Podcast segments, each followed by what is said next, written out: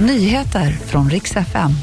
Nyheterna ska handla om säkerhetsnivån runt viktiga objekt som nu höjs i Stockholmsområdet.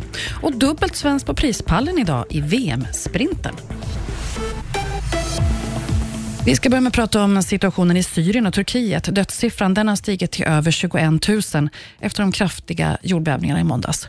Hjälparbetet fortsätter för fullt. Turkiet har flest drabbade, men Syrien har också stora problem med att hjälpinsatserna har svårt att komma fram. Polisen i Stockholmsområdet höjer säkerheten runt så kallade viktiga objekt. Och det här är på grund av ett ökat antal hot om attentat mot Sverige. Terrornivån den är fortfarande förhöjd, bland annat efter koranbränningen i januari. Så ska det handla om skidskytte, för det blev dubbelt svenskt på prispallen i VM-sprinten idag i Oberhof.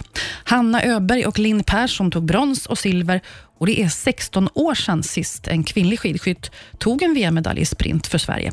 Och Det är också första gången någonsin som vi har två svenskor på prispallen.